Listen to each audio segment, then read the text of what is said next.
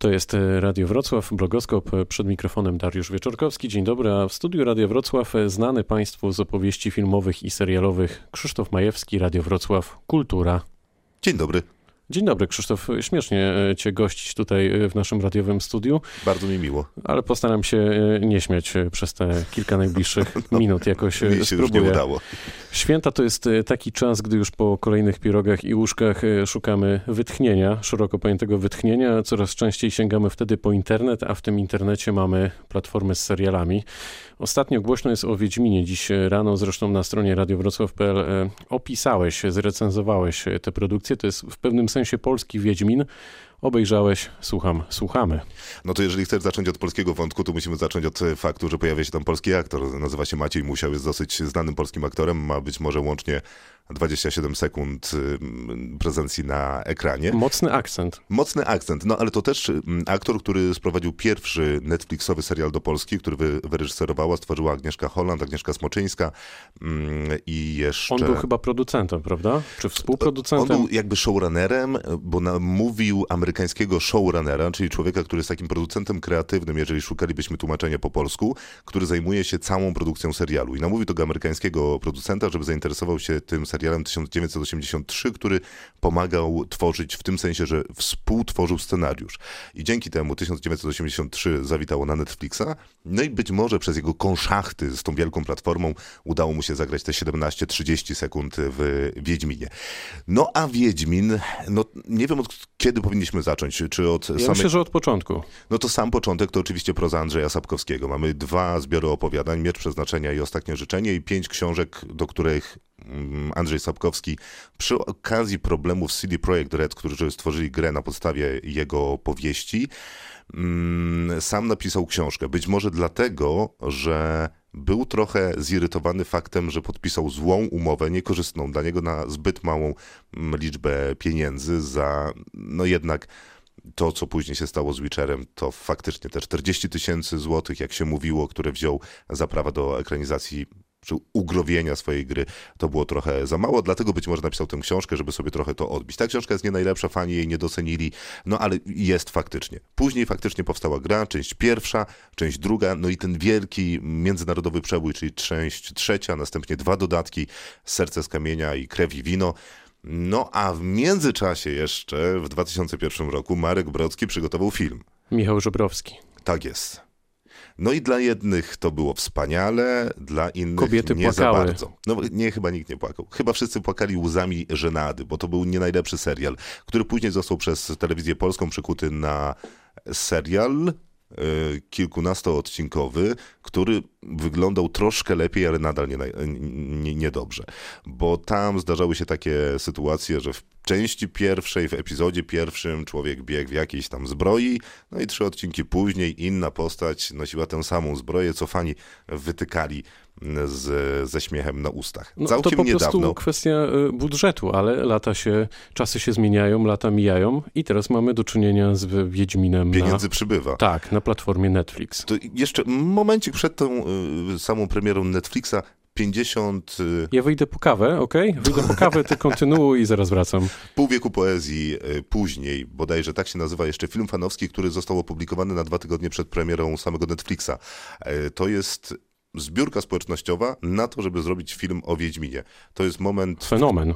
Fenomen. E, zwłaszcza, że zebrano około 200 tysięcy złotych, czyli w gruncie rzeczy jak na pełnometrażowy film fabularny, który trwa dobrze ponad godzinę, jest dostępny zupełnie za darmo mm, na YouTubie. To jest naprawdę niezły pieniądz i niezła realizacja. To nie jest ani trochę dobre, ale trzeba docenić tę pracę taką bardzo fanowską, bardzo rzemieślniczą, bardzo no, taką od dołu.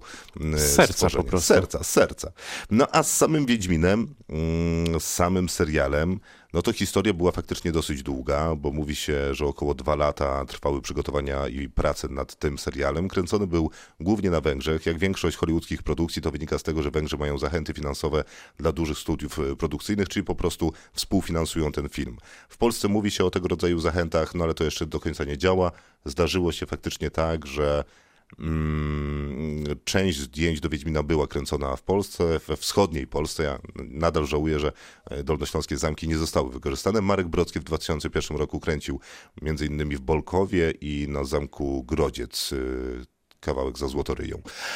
Y, no i oczywiście podstawowym problemem było, kto zagra Geralta. Mówiło się bardzo dużo o tym, że to Mats Mikkelsen jest takim wymarzonym Geraltem. Po prostu wygląda tak jak... Urodzonym. Urodzony. No, tylko problem z Matsem Mikkelsenem był taki, że to jest y, facet, który już ma trochę lat na swoim koncie, a jeżeli Wiedźmin miałby być opowieścią rozpisaną na pięć, czy być może sześć sezonów, o czym się mówi, no to Mats Mikkelsen kończyłby ten sezon mając coś w okolicach 60 lat i to byłoby być może trochę za dużo, więc wybrano Henry'ego Cavilla, który y, wcześniej grał m.in. Supermana, który też przyznawał w wywiadach, że jest olbrzymim fanem gry Wiedźmin. Że grał, że kocha i że uwielbia i że jak tylko skończył grać, to zaczął czytać książki i stał się takim trochę mm, kołem napędowym e, całego tego przedsięwzięcia i to widać w serialu. To jest człowiek, który głęboko wszedł w ten świat, który tę postać chyba naprawdę kocha. E, no i jest coś takiego jak star power, czyli taka siła gwiazdy, która ciągnie projekt do przodu i ciągnie ten projekt za uszy. Drugą taką postacią ważną dla nas i dla Polski na pewno będzie Tomasz Bagiński, czyli człowiek, który był nominowany do Oscara, człowiek, który jest dyrektorem kreatywnym Platish Image, czyli studia, które animowało między innymi grę Wiedźmin. I on z tego stanowiska, jako Platysz Image, zajął się efektami specjalnymi do serialu Wiedźmin, no a y, amerykańska showrunnerka zajęła się no, jakby przypilnowaniem całej produkcji. Jak to wyszło? No to fani oczywiście już ocenili. No i jest tak pół na pół, bo z jednej strony... A ty jesteś fanem? Byłeś fanem? Y, książki, gry, czy No w ogóle całej, całej postaci? tej całej postaci. Tak, absolutnym. Ja wychowałem się w domu, w którym Wiedźmin był ważniejszy, znaczy może inaczej, Andrzej Sapkowski, jego prozo był, był ważniejszy niż Henryk Sienkiewicz. Więc najpierw czytało się Słuchacze Wiedźmina, zatykają uszy teraz. później Sienkiewicza. E, więc tak, byłem dużym fanem i w zasadzie jestem w stanie przyjąć wszystko, co mi się daje z wiedźmińskiego świata, bo ten mój poziom zainteresowania samą postacią jest na tyle wysoki, że mogę po prostu przymknąć oko na niektóre rzeczy, ale faktem jest, że w serialu mm, Witcher czy Wiedźmin no nie da się przymknąć oka czy oczu nawet obojga na wszystko. Ten problem, ten serial Wejdę w słowo. dużo problemów Uwaga. śmiało.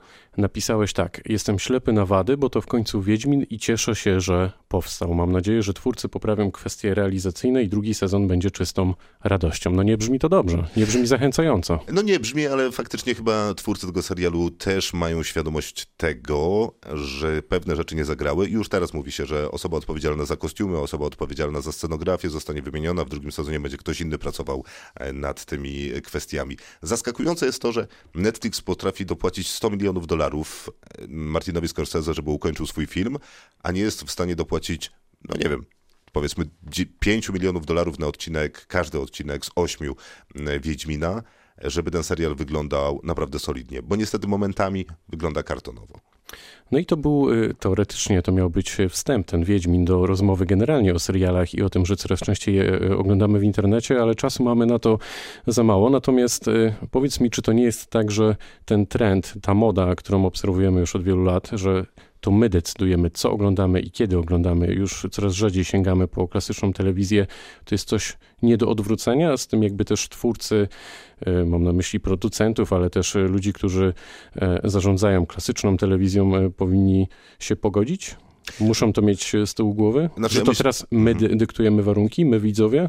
Ja myślę, że po pierwsze, my widzowie nadal w ogóle nie dyktujemy warunków, bo spróbuj na Netflixie znaleźć inny, nowy film niż ten, który ich algorytm tobie oferuje. To jest niemożliwe. To prawda. Na HBO jest jeszcze to możliwe, ale HBO Go będzie się przekształcało w HBO Maxi w przyszłym roku, a Disney Plus, z tego co wiem, ma takie same, który będzie wchodził na początku y, przyszłego roku do Polski, ma takie same algorytmy jak Netflix, więc jeżeli nie znasz tytułu, którego chcesz obejrzeć, to i tak go nie obejrzysz, więc y, to oni decydują to, co y, ty oglądasz, więc y, nie wydaje mi się, żeby to była jakaś zmiana, zwłaszcza, że twórcy czy też właściciele największych stacji telewizyjnych na świecie, oni doskonale zdają sobie sprawę z tego, że przechodzi, należy przechodzić teraz do streamingu i w zasadzie każdy z nich to robi. Nawet polska IPLA i Player TV powiedzieli, że wchodzą w kolaborację ze sobą po to, żeby stanąć właśnie okoniem przy, y, przeciwko Netflixowi i innym wielkim zagranicznym platformom. A gdzie w tym wszystkim są nasze e, polskie produkcje, polskie seriale? Jak obserwujesz ten międzynarodowy rynek, e, te platformy, to czy my teraz na przestrzeni ostatnich e, lat e, poczyniliśmy jakiś postęp to faktycznie już wygląda, brzmi światowo? No, bywa. 1983, czyli serial Agnieszki Holland wygląda światowo, ale fabularnie trochę nie robi. Y, no, Wiedźmin nie jest polskim serialem, tylko amerykańskim. Mamy pierwszy serial y, polski od HBO, to w sumie był Pakt, no ale mówi się, że raczej Wataha i Wataha wygląda naprawdę Teraz bardzo mamy trzeci solidnie. sezon. Tak, Było dokładnie. głośno o Belfrze też. No było gł- głośno o Belfrze, ale to akurat Kanal Plus, y, ale mm, jakby dużą obietnicą są decyzje podjęte przez Komisję Europejską, która zmusza międzynarodowe platformy produkujące seriale na rynku europejskim, aby tworzyła seriale oparte o scenariusze lokalne tutaj. Dlatego Netflix na przykład podpisał umowę z telewizją polską, czyli zna sobie podwykonawcę w Polsce, który będzie realizował dla niego seriale. Z tego co wiem, już taki serial powstaje z wątkiem mocnym wrocławskim. Co polecamy słuchaczom na święta? Jak mamy teraz kilka dni, kilka, no tak, w zasadzie kilka dni wytchnienia, to, to od czego mogliby zacząć? Ci, którzy jeszcze niekoniecznie z tymi platformami się zaprzyjaźnili. No tak się składa, że za moment będą Oscary. Oscary w tym roku są szybciej, będą rozdawane na początku lutego i Netflix jest bardzo mocnym kandydatem do tego, żeby zgarnąć wszystko, bo ma co najmniej 8 filmów, które mogą w tak zwanej złotej ósemce, czyli 8 najważniejszych e, Oscarowych nagrodach, zgarnąć wszystko, E, ale ma też bardzo mocną e, kategorię, jeżeli chodzi o animację. Jest tam animacja Klaus, opowiada o początku Świętego Mikołaja. Rysowana klasycznie, więc jest rysowana, a nie zrobiona komputerowo, wygląda fantastycznie, wzrusza, więc na święta myślę idealna. Albo od piątku również na Netflixie do zobaczenia dwóch papieży, czyli opowieść o wyimaginowanym spotkaniu dwóch papieży, czyli papieża Franciszka i papieża Benedykta, e, ale rozpisana na takich ciepłych raczej e, emocjach, a nie negatywnych. Z jednej strony ta konserwatywna, naukowa, teologiczna wizja Kościoła, z drugiej ta bardziej nowoczesna, postępowa wizja. My dzisiaj przecież e, mówimy o grzechu ekologicznym, o którym mówi papież Franciszek, no więc mamy takie dwa zderzenia Kościoła w dwóch osobach, dwóch znakomitych aktorów, Jonathan Price i Anthony Hopkins, czyli taka filmowa uczta i aktorska uczta, no bo to w zasadzie dwóch facetów siedzi i rozmawia.